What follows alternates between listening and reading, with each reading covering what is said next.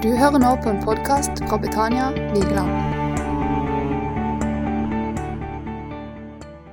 Ja, hvem er du? Vi har hørt navnet Debbie da, Birkeland. Jeg vet jo hvem du er. Jeg kan si det på forhånd. Jeg vet hvem Debbie er på forhånd, da. Men jeg tenker Skal du si hvor du vet hvor jeg er fra? Kanskje jeg skal Eller si det, da. Altså, jeg, jeg har jobba i lag med henne oppe i Eiken, Sørlandets rehabiliteringssenter, så har jeg fått passert hvorfor jeg vet hvem hun er. Det kan jo være greit noen ganger. Ja, takk for invitasjonen. Jeg òg gleder meg til å komme. Og så jeg, når jeg sitter her, så kjenner jeg jeg er litt nervøs. Derfor så har jeg noen sånn skrevne lapper for at jeg for det første skal prøve å holde meg til det som er blitt enige om hva temaet er, men òg at jeg ikke forviller meg vekk når jeg er litt nervøs og så snakker om alt mulig annet. Som Magne sa, så heter jeg Debbie. Um, Det er jo ikke et veldig typisk navn, men jeg er født i USA, så derav fornavnet. Jeg er født av norske foreldre, så derav etternavnet. Um, og det er alltid litt sånn Hvem er du? Hva velger vi da å presentere? Eh, I denne sammenhengen så har jeg lyst til å bare holde fram at jeg er først og fremst Guds barn. Um, jeg tilhører Han, og jeg er uendelig takknemlig for Jesus. Jeg vet ikke hvor jeg skulle vært uten Jesus. Um, så det er den takknemligheten over Han, men òg den og takknemligheten jeg kan få lov til å ha i hverdagen med at han er med meg, uansett hvordan dagene mine er. Det er en viktig del av hvem jeg er. For det er han som former meg ja, dag for dag. Og så betyr ikke det at alle mine dager er super på topp og alt sånt. Det er det ikke. Um, jeg er òg ei som eh, setter veldig mye pris på naturen. Har mye glede av naturen. Mye glede av med å være i naturen og være ute, gå tur. Veldig glad i hage, blomster, alt som vokser. Så det når våren er i gang, så er jeg glad for det. Um, har snøen røket der oppe. i- snøen er vekke, ja. det Det er rett rundt huset mitt i alle fall, så er det vekke. Så det er jeg glad for. Selv om jeg er glad i vinter. Um, jeg er òg Jeg liker å lese, jeg liker å drive med håndarbeid. Jeg liker å trene meg på å være lat, som jeg kaller det. Det er jeg ikke fullt så flink til, men det å bare kunne være i ro og nyte øyeblikket med en kaffekopp, en god samtale med familie eller venner, bruke tid håp med, med det er viktig for meg. Um, jeg er òg har Som sagt så er jeg jo født i USA, og jeg ble født med en medfødt hjertefeil. Um, som gjorde at hadde ikke jeg vært født i USA, så hadde de faktisk ikke kunnet gjort noe med den hjertefeilen. Men uh, jeg ble født der, så de kunne gjort det de første årene, spesielt de første 60 årene av mitt liv. Så var det veldig mye ut og inn av sykehus, og det har prega livet mitt og oppveksten. Det er en kronisk hjertefeil som jeg ikke blir frisk av, omtagen Gud griper inn på denne sida av himmelen. Eh, Så det har òg vært med å forme meg og gjort meg til den jeg er. Sånn at jeg òg begrenser kapasitet fysisk, som òg gjør at jeg må velge litt mer hva, mine, hva jeg bruker min tid og krefter på. Eh, Jeg vil, vil veldig gjerne Hodet mitt vil mye mer enn det kroppen min vil, mange ganger. Men eh, så tror jeg av og til så jeg lurt litt på om at jeg tror Gud Gud vil jo ikke sykdom, men han tillater ting, og det er sånn vanskelig dilemma. Men, men eh, jeg, jeg er vokst opp på gard. Eh, og der skulle jeg vant med å jobbe med sånn verdi i hva en kan yte, hva jeg kan, hva jeg kan produsere, eller hva vi kan produsere. Og det var alltid noe å gjøre, og det var alltid noe som skulle helst vært gjort i går. Så jeg har ikke lært de der litt naturlige avslapningsprosessene. Så jeg er en person som i utgangspunktet kjører litt på. Og det er det jeg noen ganger har lurt litt på om, om Gud, Jeg tror Gud bruker det at jeg har begrensa fysisk kapasitet, på faktisk å holde meg litt nede. For hvis jeg ikke hadde hatt det, så lurer jeg litt på hvor mye tid og ro jeg egentlig hadde hatt til å være med Gud. Eh, ja. Ja, altså, Hvis du skulle velge deg et bilde da, litt sånn på, på livet, det å leve, altså, hva ville du, hva ville du ha valgt? da? Det er et litt hardt spørsmål, kanskje. Ja. Altså, men eh. Ja, det er helt greit. Og det er, jeg er litt sånn, ser ting litt i bilder, så det liker jeg. Så eh, Hvis jeg skulle velge ett, så er det det med Livet er som ei vandring, eller ei reise. Jeg bruker jeg liker best vandring. Og det gir meg så mye mening, for livet gjenger akkurat som livet er i ulike Altså, vi kan gå på tur i ulike landskap. Det skifter. Noen, noen, noen landskap er fine og lite krevende, og ja, det går fint. og det, jeg, må ikke, jeg, må ikke, bidra så mye for.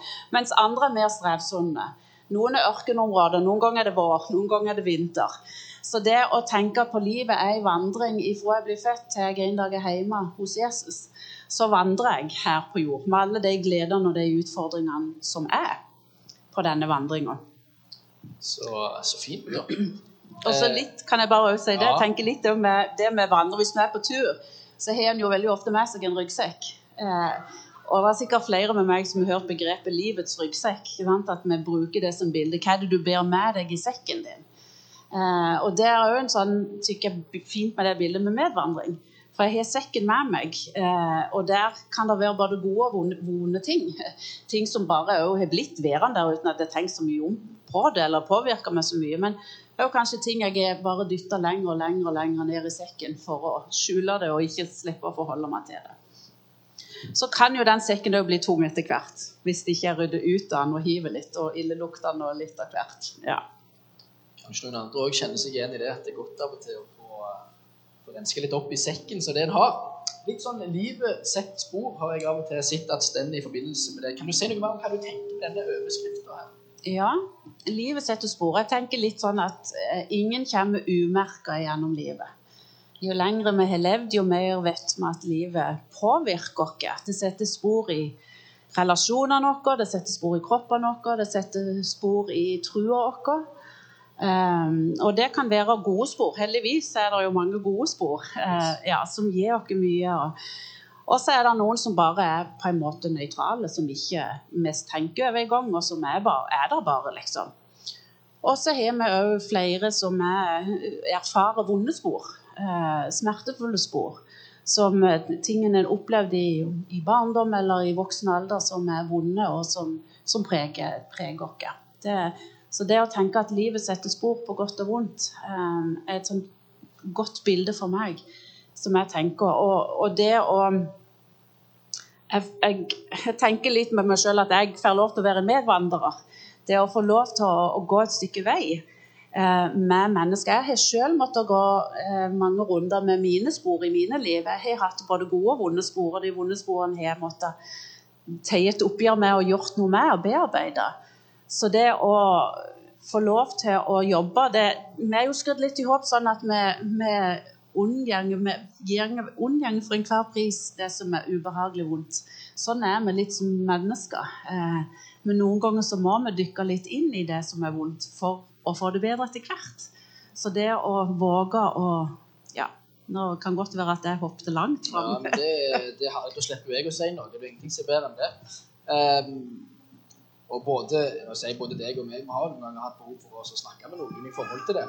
Eh, tjenesten din, da, eller firmaet ditt, eh, det kommer opp etter hvert òg på, sånn at folk kan få plassert litt i en hjemmeside på det. Jeg nevnte forrige søndag òg om det som heter Gode spor. Eh, .no er det han søker det opp, da. Men tjenesten din, firmaet ditt, kan du fortelle noen tanker rundt hva la du i det når du kom fram til liksom gode spor? Det, det ordet der. altså Jeg tenkte kanskje med en gang vanlig at er det, er det noen sånn turgruppe, eller er det, er det altså, hva, hva var det du fant ut i forhold til gode spor? Ja. Jeg må bare spørre først, snakker jeg veldig fort? Klarer du ikke å henge med? ja, greit. Um, for det er jo litt når jeg blir litt nervøs, jeg kan ha en tendens til å snakke litt fort. Gode spor. Um, nå var det sånn at jeg har tatt, For å ta en litt sånn lang eh, start, bare for, eller langt tilbake i tid, så har jeg gjenget på to skoler med ungdom i oppdrag, og den andre jeg gikk på, var i 2001 i Australia. Og det var arbeid blant familier og foreldreløse barn den skolen var. Og i den forbindelsen så begynte eh, det å bli litt sånn klart for meg litt av det som jeg ønsket å jobbe med. Det med å kunne gå et stykke vei med folk, med samtale, veiledning, selv om jeg ikke hadde former på det. Så fra 2001 så begynte det å jobbe mer og mer i meg. Jeg har jo forresten ikke sagt noen ting om hva jeg er utdannet som. eller sånn det. Men, men eh, jeg ser den veien jeg gikk etter. Jeg, var, hadde tatt førskoleutdannelse før jeg tok disse to eh, skolene med ungdom i oppdrag. Så jeg er utdannet pedagog, og så har jeg tatt en del videreutdanning innenfor veiledning, familieterapi, arbeid med mennesker i krise. Så jeg jobber som type barnehage, skole eh, noen år, men for det meste så har jeg jobba med familier og barn eh, i, i, litt sårbare livssituasjoner. Da er det ikke sånn spesielle livssituasjoner, for det dere som eh, er familie med en del av en familie, vet at det der er både sårbare tider og gode tider. Eh, så litt av det har vært i ulike sammenhenger, både i privat og, og um, offentlig sektor, at jeg har jobba med barn og familier. Så etter hvert som disse årene gikk, så formte det seg jo mer, mer, ble mer og mer tydelig med de ulike jobbene jeg hadde, og de ulike videreutdanningene jeg tok. Så spisser det seg mer til at dette med samtale var en, en av de viktige tingene. Så jeg gikk og ba og, i mange år i forhold til dette. Noen, noen, perioder mer i forhold til de drømmene jeg gikk med, og andre så forsvant det litt. Men det dukket alt opp igjen. Og mange ganger så spurte jeg Gud hva skal, hva skal det kalles? Hva skal tjenesten min, hva dette du kaller meg til å gjøre, hva skal jeg, hva skal jeg kalle det? Og det, det, um, Jeg hadde mange andre navn i hodet mitt enn gode spor, for å si det sånn. Men uh, det var en sommer i 2014 der jeg la på meg sjøl en slags retreat, der jeg legde meg i hytta og var for meg sjøl i tre netter med kun Bibelen og notatblokk og Gud. Det vil si jeg hadde mobilen til å sjekke den rett før jeg la meg, og på morgenen i tilfelle. Og du hadde mat med deg òg? Jeg hadde mat med meg òg, ja. Men det var ufattelig krevende tre døgn, eh, og på samme tid veldig givende. Og da ga Gud meg navnet Gode spor. Plutselig fikk jeg det, og det, eh, det ga mening der. Jeg skrev ned litt tanker, men nå etter at jeg begynte, gikk ut i tjenesten min i 2019, mars 2019, begynte jeg så har jeg bare sett hvordan det mer og mer gir mening for meg i forhold til dette med å gå et stykke vei med folk. Eh, det å få lov til å være en medvandrer. Eh, og litt det der bildet med Det kan være at jeg hopper nå òg lager rot i systemet, men, men eh, litt det der med Hvis du ikke dere som kjører traktor, har jo iallfall erfart det med å kjøre traktor, men hvis du kjører med traktor hjulspor, eller på en vei mange nok ganger, så blir det kraftige hjulspor. Og at traktoren gjenger på en måte mest av seg sjøl. Du trenger ikke styre engang, for den fyrer hjulsporene.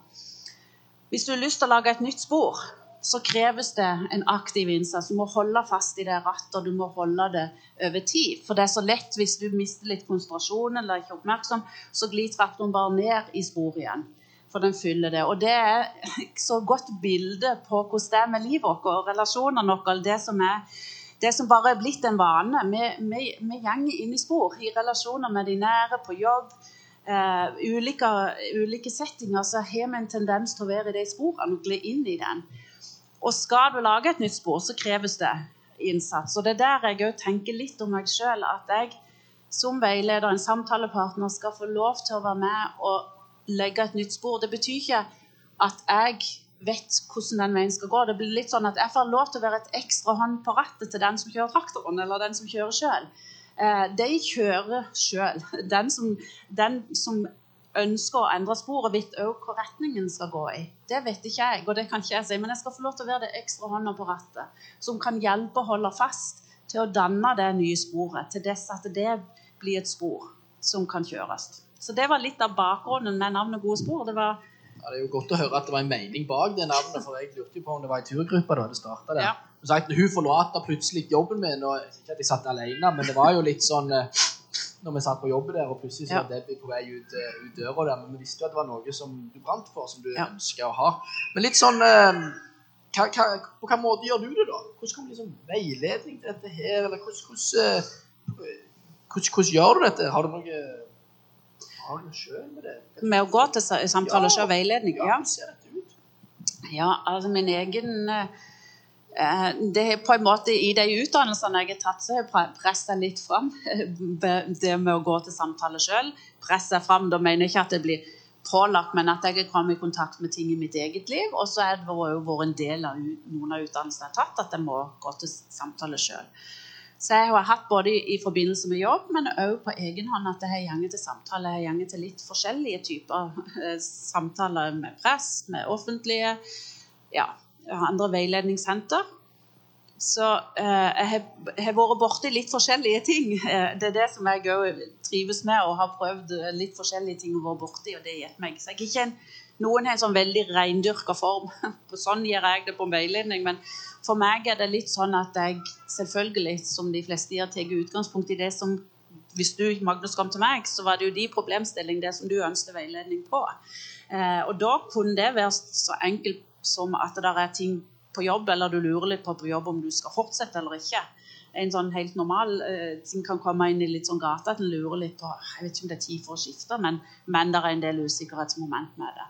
Det er ikke sånn at det må være veldig komplisert for at uh, noen tar en drøs med deg? Det trenger det absolutt ikke. Og jeg er ingen behandler. Uh, så det er sagt. Jeg, jeg, driver ikke med terapi eller at jeg behandler sykdom. men jeg, går et stykke vei i forhold til vanlige problemstillinger som de fleste kan. Og så kan det jo være, For noen kan det være at de har kommet inn i et mønster. F.eks. For i forhold til dette med perfek perfeksjonisme. Setter utrolig store krav til seg sjøl, og det kan mange ganger ha sammenheng fra oppveksten. At de har båret med seg helt ifra de var små. Eh, og det å bryte litt ut av de tingene. Det kan være folk som opplever å bli syke. Eh, bli sett til side pga. sykdom kanskje trenger en kronisk diagnose som gjør at en ikke kan virke i arbeidslivet på samme ting, måte som før. Eh, hva, da, når jeg ikke kan jobbe? Eh, jeg er jo delvis ufør sjøl, så jeg har gjort meg noen erfaringer. Hvem er jeg når jeg ikke kan jobbe? Hvilken verdi har jeg da?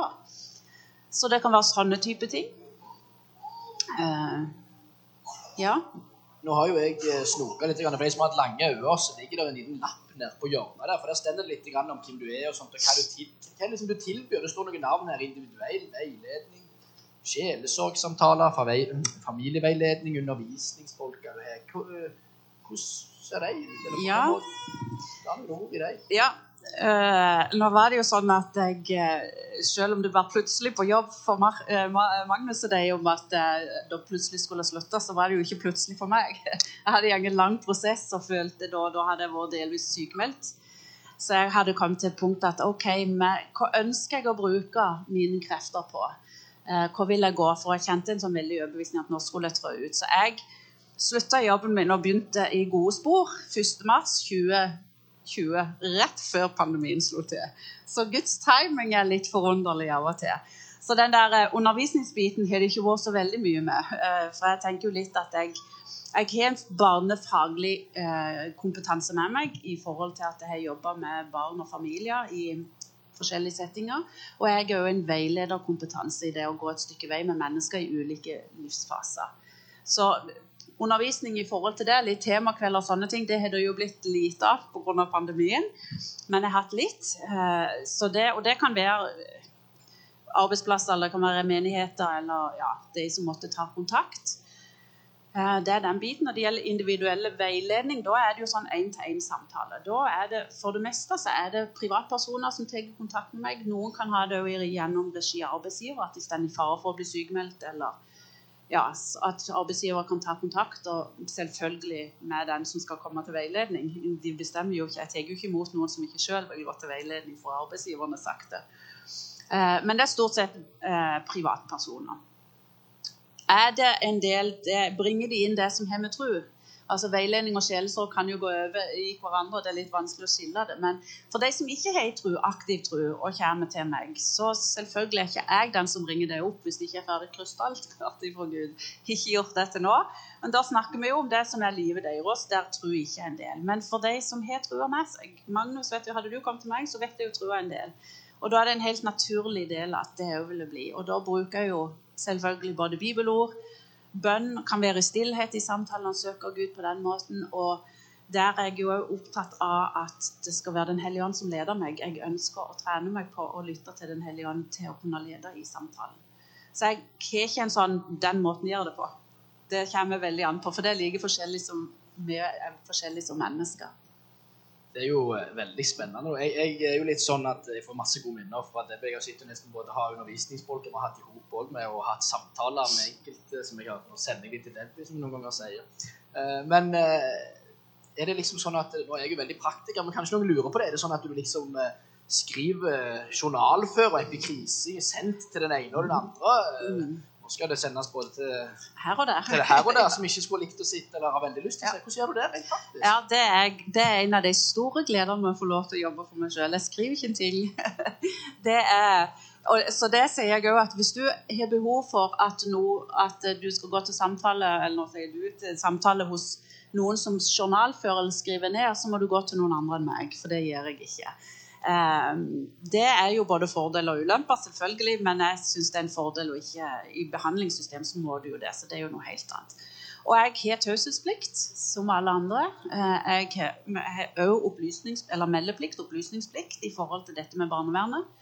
Eh, Min praksis har vært overalt der jeg har jobba, stort sett. Det er hvis det skulle meldes til barnevernet, så har jeg en rutine på at da tar jeg det opp med den det gjelder, så sant det ikke er mistanker om vold eller overgrep. For da pålegger loven meg å ikke ta det opp. Heller så pleier jeg å spille med åpne kort. Nå har ikke det vært eh, egentlig noe sak så lenge jeg jobber for meg sjøl, og ikke mange ganger heller, eller de gangene det har vært, så har det vært gjort på en, en grei måte, holdt jeg på å si. Ja, det er jo aldri greit å kjenne på sin egen svakhet og ikke kan ivareta unger, men de aller fleste, eller jeg tror ikke jeg har møtt noen som ikke ønsker å ta vare på sine unger, så det er utgangspunktet. Men jeg journalfører ingenting. Men jeg, det jeg ber folk om, de som velger å fortsette til samtale etter den første hos meg, at de skriver ned navn, telefonnummer navn på fastlegen. Og det går òg i forhold til dette med avvergeplikten. At jeg er pålagt skulle få mistanke om den som sitter hos meg, eh, vil ta sitt eget liv, står i fare for å ville ta sitt eget liv, så har jeg en plikt til å gi beskjed eh, til fastlege. Så da er det den opplysningen. Det er det eneste skriftlige jeg har. Den blir oppbevart i et låsbarskap som bare jeg har tilgang på. Eh, og når den personen skulle slutte og gå til samtale med meg, så blir det makulert. Så det er det eneste jeg Jeg sitter ofte i samtaler og noterer litt stikkord. Det altså sånn For min egen del, eller sånne ting vi jobber med, som jeg gir til personen når de går ut ifra, så kan de sjøl Jeg har vært sånn sjøl at jeg i samtale så er det godt å ha bare noen som stikkord, noen knagger. For det hjelper meg å minnes når jeg skal jobbe videre med det sjøl. Så det er litt utgangspunktet. Men skriver jeg noe, så gir jeg det til den personen som sitter i stolen, som kan ta med seg og kaste eller bruke det som de vil. Det er jo litt godt å høre. da. Jeg kjenner i hvert fall det er litt greit å vite at hvis jeg hadde tatt en brøs med Debbie, at jeg ikke sender det til alle som sitter her inne òg, for å være helt ærlig. Det var kanskje litt hardt å si, men det er jo greit å vite. da. Det er det. Og jeg tenkte jo litt sånn Dere har jo sagt noe om at jeg skal være en ressursperson inn mot menigheten i forhold til jeg tenker Det som er så fantastisk, det er å ha en menighet som du faktisk kan få muligheten til å bli bedt for å snakke med internt i, i menigheten. Det er jo noe av det sånn Guds menighet skal fungere. Og så er det noen ganger at i de små fellesskapene så kan det bli litt for tett. At det kan være ting som kan være litt for touchy å snakke med de som er du omgjenges med. Og da kan det å, å gå til en person som er nøytral, som ikke du skal forholde deg til Sånn som når jeg sjøl òg gjenger til personer og veiledning, så er det noen ganger godt å bare, unnskyld uttrykket, få lov til å tømme søppelet hos noen. Få lov til å bare være ærlig med det som er, og så skal jeg ikke forholde meg til den personen i et familieselskap eller på gudstjenesten neste gang. Um, så det er jo litt sånn, og det er jo med tanke på at skulle noen her benytte seg av muligheten for meg som ressursperson at det, menigheten skulle oppfordre eller si gå der, gå, ta kontakt med Debbie, så har ikke jeg noe plikt til å informere lederskapet eller referere tilbake. Så det er jo viktig å si at skulle det bli noen som ønsker det å ha samtale hos meg, så vil ikke jeg referere tilbake igjen til lederskapet her. Det kjente jo jeg i hvert fall litt trygghet for meg at ikke alle sitter der og loggfører hvis jeg har hatt en drøs med Debbie. Um, så det er jo på en måte et, et, eh, Du er jo en, ressursperson for oss, og så er det litt sånn eh, Ja, jeg kunne ikke gått alle mulige andre plasser, tenker kanskje litt folk på, men uh, du snakket litt om i forhold til det som har med Jesus å gjøre for deg. Um, har jeg og deg snakket litt om jeg har jobba litt i lag med deg, men jeg tenker det er så viktig for alle oss som sitter her. Altså, hvem er Jesus for deg, og hva betyr tro? Du sa litt i starten òg, men, men, men hva, på hvilken måte er det for deg? Ja, jeg er ikke, jeg er ikke vokst opp i noe kristenheim, eh, men eh, gikk på søndagsskole og yngres og sånn type ting, og mamma var kveldsbønn med oss ungene hver, hver kveld. Men når jeg kom på ungdomsskole, så valgte jeg det på en måte. Da var det sånn i Hegbostad enten så gjenger du på bedehuset, eh, fortsetter i misjon og ungdomsskolen når du kom på ungdomsskolen, Det var det da. Jeg sier ikke det sånn nå, men da. Ellers gikk du på diskotek. Og jeg var veldig bevisst nei, jeg skulle ikke begynne i ungdomsskolen. Jeg skulle den andre veien. Um, så kom jeg i en periode uh, jeg, jeg har jo bodd Vi flytta til Hegbostad etter vi hadde bodd i USA noen år. Og så bodde jeg fram til jeg var 17, og da måtte jeg reise ut for å gå på skolegang. Sånn at eh, jeg ble kristen sånn når jeg var rundt 16-17 år. Det var en sånn prosess. Jeg gikk ikke en dag som jeg, da ble jeg kristen. Men jeg gikk og sleit med hva er meninga med livet, og fant Jesus i det, da. Og ganske tidlig så var jeg sånn Åh, det må jo være noe mer. Jeg hadde en sånn hunger etter mer av Jesus enn det jeg så i bedehusmiljøet, det lille miljøet som var rundt. Så jeg begynte jo på Tryggheim eh, på videregående der, og ble... På Vestlandet, for de som ikke vet Ja. det så det er godt for meg. For Nærbø. Eh, og ble værende, bortsett fra jeg tok førskolelærerutdannelsen i Kristiansand, så ble jeg vær, værende i Rogaland i over 20 år. I ulike sammenhenger og fikk møtt Jesus eh, i, ulike, i ulike menighetsfellesskap. Og Jesus er, han er min nummer én. Eh, han er den som jeg har som min første, min viktigste relasjon. Eh, det er han jeg har. Han er med han er en naturlig del av hverdagen. Jeg vet at han er det er ikke alltid jeg føler at han er med. Det er ikke alltid han svarer sånn som jeg hadde tenkt, men jeg vet at jeg vet at jeg vet at Jesus er med meg. Så jeg opplever at han er en naturlig del av hverdagen min. Eh, Det har vært en utvikling selvfølgelig fra dette med å tro jeg er en prestasjon, med at jeg er Jesu, jeg er verdi for det jeg kan gjøre for Gud, til å kunne hvile mer i at det er en relasjon først og fremst. Eh, Jesus og trua mi er en relasjon som jeg først og fremst kan hvile i. Eh, og For noen år siden så hadde jeg en periode der det var mange ting som skjedde på en gang, med operasjoner og noen vannlekkasjer som gjorde at jeg, mange andre ting som bare gjorde at jeg orket absolutt ingenting. Eh, jeg orket ikke å lese i Bibelen, jeg orket ikke å be. Eh, og da begynte vi noe som er fortsatt helt til nå. Og det var altså det eneste jeg orket, det var å ha en kaffekopp med Jesus på morgenen. Så når jeg drakk morgenkaffen min, så sa jeg vet du hva, Jesus, dette er min stund med deg. Det er det eneste jeg orker, det er å sitte og drikke kaffe med deg. Og det er noe jeg har fortsatt med. Det høres kanskje litt rart ut, men det er faktisk mitt høydepunkt på dagen. Det er morgenkaffen min med Jesus. Og noen ganger så er tankene mine overalt, og langt ifra åndelig iallfall. Og noen ganger er jeg mer påkobla. Men det er de dagene jeg ikke kan ha kaffe med Jesus sånn i god ro. Det, da savner jeg det. Eh, Da kjenner jeg en lengte etter det dagen etterpå. Og så er det Jeg har jo gjerne hele linja som sikkert de fleste med å lese mye i Bibelen, liten i Bibelen, strever med bønn, hviler i bønn. Eh, Men jeg tror trua mer og mer for meg, og relasjonen mer og mer med Jesus, er hvile. Jeg tenker dere som er gift og har vært gift lenge, vet at dere trenger nødvendigvis ikke gi så mye håp, men bare det å være i håp. Ikke hele tida måtte finne på noe, eller ikke hele tida snakke. Men de relasjonene vi kan ha med gift eller gode vennskap, andre familierelasjoner, der vi faktisk bare kan være. Vi trenger ikke snakke, vi trenger ikke plent holde på med noe hele tida. Det er jo de som er gode, det er jo de som er best, det er jo de som er trygge. Så det er litt der jeg vokser i trua mi med Jesus og får lov til å Og så er det ulike sesonger, selvfølgelig. Noen ganger skal jeg stå på mer foran, gjøre mer aktivt, eller er mer pågående i bønn. Og... Så det med å Lovsangen den betyr mye for meg, gleden med å synge. Jeg er jo med i bønnefellesskap. Den har jeg vært opptatt av i mange år. Det å be for og med andre, det Ja. Så jeg er blitt mer og mer avhengig av stillheten med Jesus, merker jeg òg. Særlig det siste i pandemien òg, at jeg skrur mer av ting. Jeg er mye mer i stillheten, er mye mer behov for å ha det stilt. Òg for å trene meg til å, å, å stilne ordene. Noen ganger blir jeg så trøtt av mine egne ord, som dere hører jeg babler mye. når jeg først setter i gang. Men òg overfor Gud så kjenner jeg eh, jeg blir så trøtt av ord. Det å trene meg på å faktisk gi Gud muligheten til å tale til meg. Hvis jeg plaprer hele tida, og det er jo ikke mye Magnus som får sluppet til, for jeg snakker er jo. Og det er jo litt det samme med Gud. Jeg tror vi er flere som kjenner det igjen, at i, vi har ofte mye ord. Um, så jeg trener meg på stillheten med Jesus. Hvordan kommer da egentlig litt i forlenging av det? Nå er det jo ikke sånn eh, avhør, altså. Men hvordan kommer trua di til, til uttrykk, da? Sånn eh, i, i hverdagen din?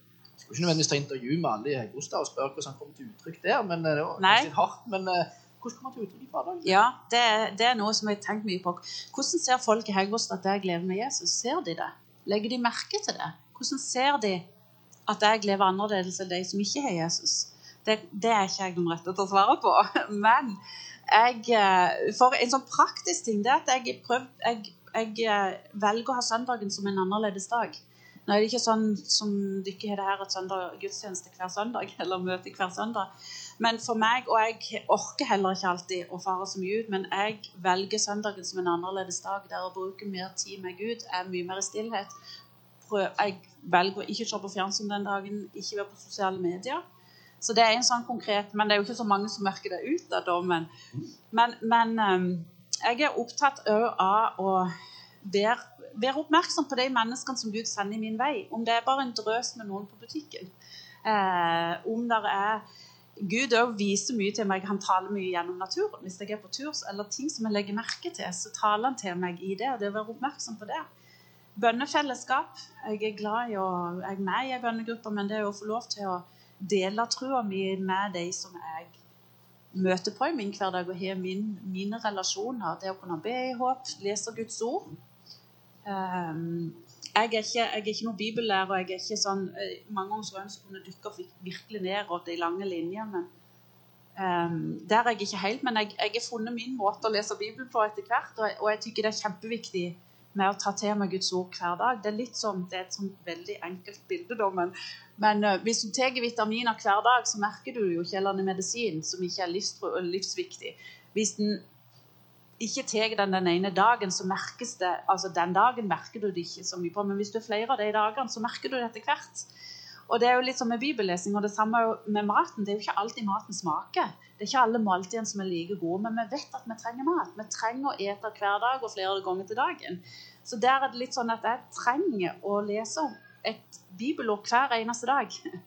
For den ene dagen jeg ikke gir det, merker det kanskje ikke, men når det blir mange av dem, så merker det, og da blir jeg kraftløs. Så jeg prøver å lese helt bibelord hver dag. Da kan det være en bibelord på kalenderen min. Jeg setter meg ned med Bibelen. Noen ganger har jeg lest i Bibelen, og jeg aner ikke hva jeg har lest, men jeg har iallfall lest det. Andre ganger så blir det en åpenbaring, eller det er noe som gir meg mening. Og så synger jeg en del for, meg sjøl, ja, jeg er med i kor og gir meg mye glede med å synge i gospelkor. Ja. Jeg vet ikke om det, det er veldig fint å høre når Debbie synger, bare så det er sagt. Mm. Hatt lange ører på arbeid der òg i sin tid. Men du var innom det som har med bibeltekst å gjøre. Og så vet jeg at du har noe um, Du har en, en, en bibeltekst i, i, tankene som du har nevnt litt om eh, på forhånd. Kanskje den kom opp, eh, Ailo, der oppe på, på skjermen. Eh, hva legger du i den? Ja, Det er den teksten som står i Johannes 5, eh, med der stender vel ikke, eh, Noen plass stender lammet, men jeg vet ikke om han er egentlig lam, for det stender en syke ved Betestadammen. Der det var flere syke som samles med Betestadammen, for de som ikke helt minnes den.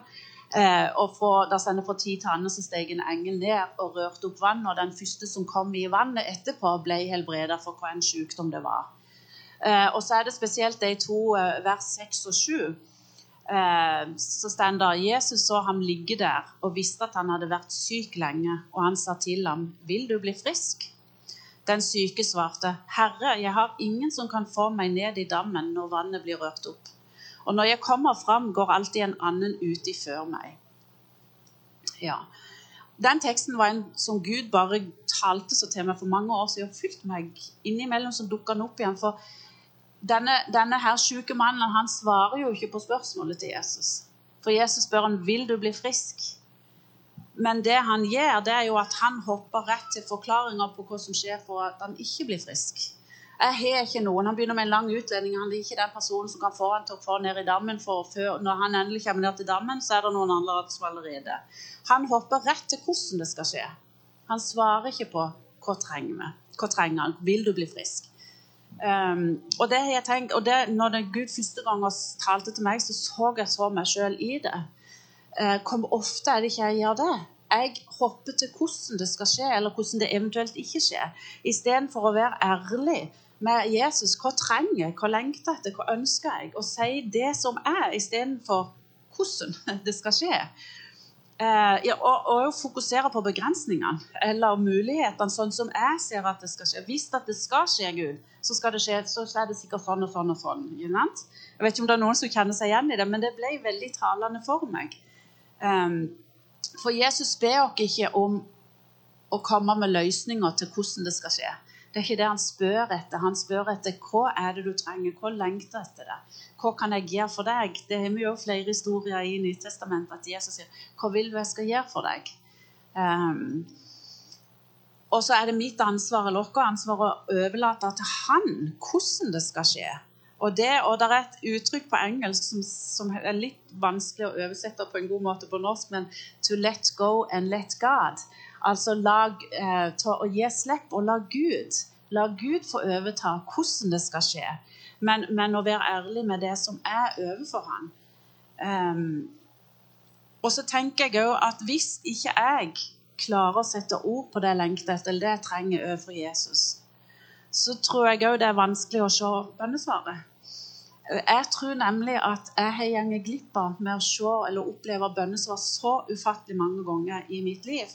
For jeg har venta at Gud skulle svare innenfor en bestemt ramme. Jeg har bedt, jeg sier ikke at vi ikke skal kunne be om konkrete bønnesvar, eller be konkret. Det kan vi, men jeg tror i hvert fall for min egen del at jeg altfor ofte har bedt svaret som jeg vil ha.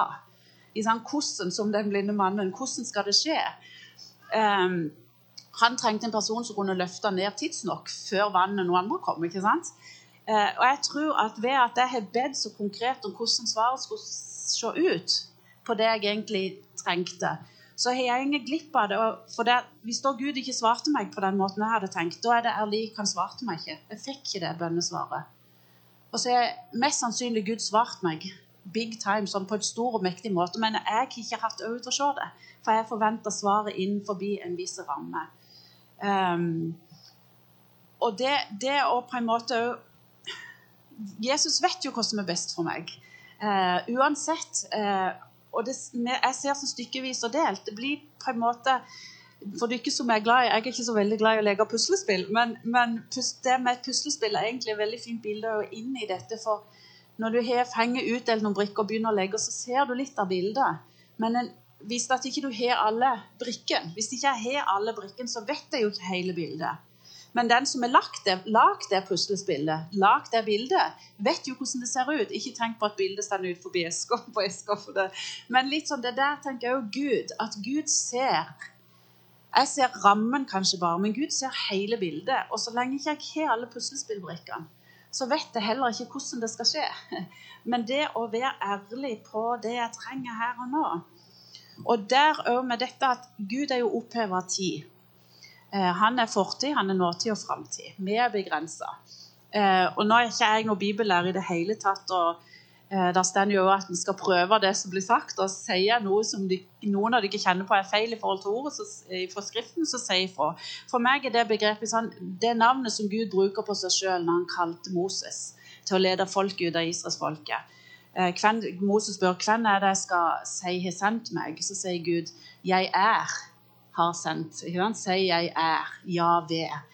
Eh, og for meg så er det Der er mye som kan bli sagt om det som ikke jeg er den rette til å snakke ut ifra i dette med ja, ved. Men for meg så er det blitt sånn et veldig sånn um, tale på at Gud er først og fremst i nåtid. Ja, han er i fortid, og han er i framtid. Men det er først og fremst her og nå han møter meg.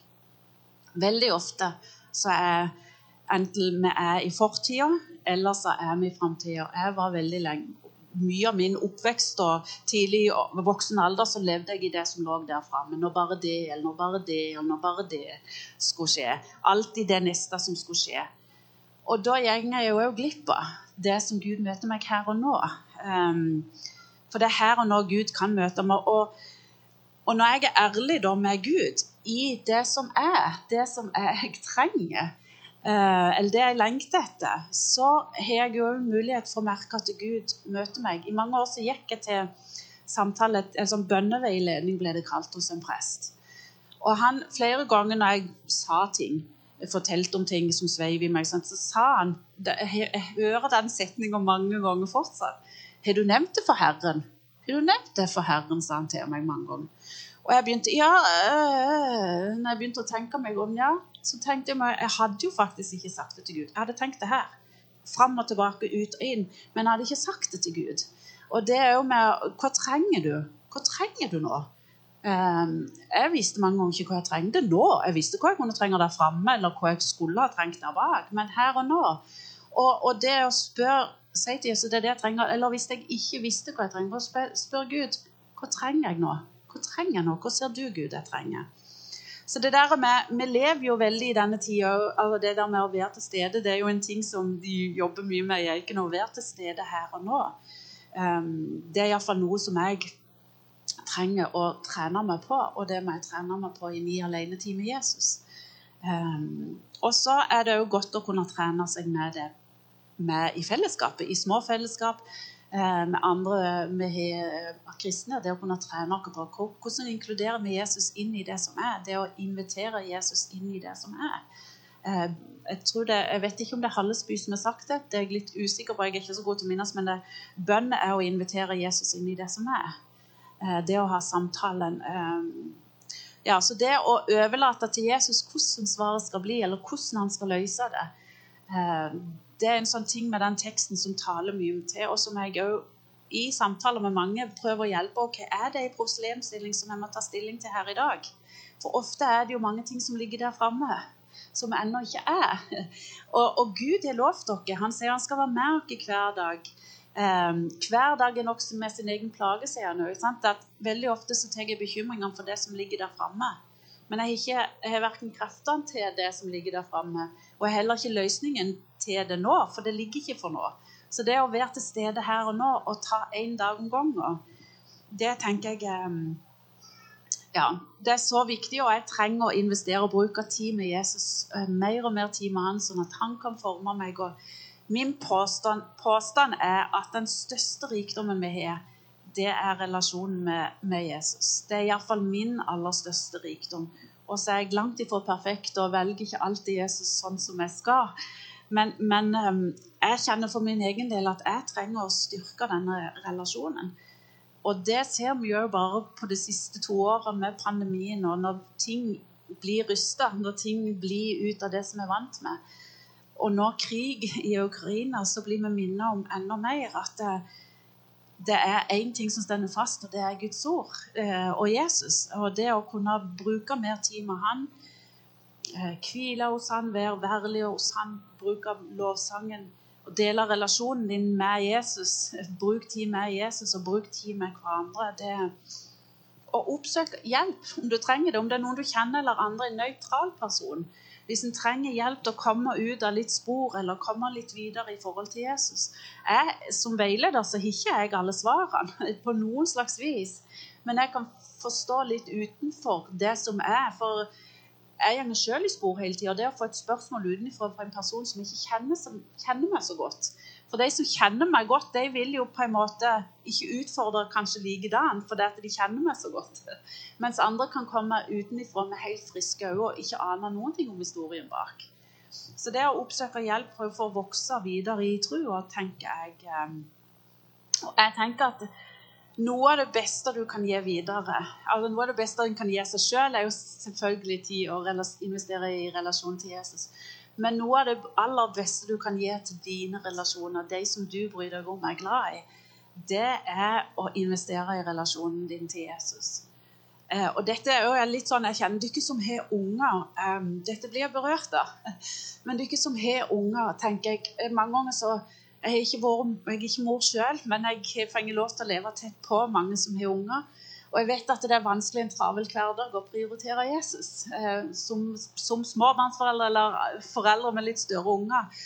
Og det kan kanskje kjennes dårlig samvittighet å bruke tid, men den beste gaven du kan gi til ungene dine, det er å investere din egen relasjon med Jesus. Bruk tid med Jesus. Bruk tid med han. Prioriter det. For da har du noe som altså Det vil påvirke deg, men du har ufattelig mye å gi videre. Og det er ingen som kan formidle Jesus mer enn eller mor og en far som lever i hverdagen med Jesus til sine unger. Så, så, om du ikke minnes noe annet enn den ene tingen, så ifra i dag, så bruk tid med Jesus for din egen del. Og det vil også påvirke din familie og andre relasjoner som, som er viktige for deg.